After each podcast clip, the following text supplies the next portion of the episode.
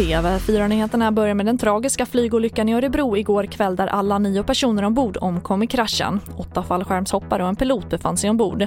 Planet, ett mindre propellerplan avsett för fallskärmshoppning, havererade strax efter start och störtade i terrängen in till landningsbanan och började brinna. Polisen har inlett en särskild händelse med anledning av olyckan och haverikommissionen kommer också att utreda händelsen. Och solceller blir allt populärare bland svenskarna. Enligt branschföreningen Svensk Solenergi har 35% fler anläggningar installerats mellan januari och juni i år i jämförelse med samma period förra året. Och mest har det ökat bland villaägare där en förklaring är att man efter årsskiftet har rätt till skatteavdrag vid installation av grön teknik.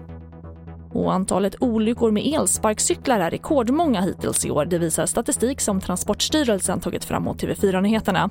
Inom sjukvården oroas man för att onyktra förare ska dö i trafiken och ett elsparkcykelföretag önskar se en promillegräns.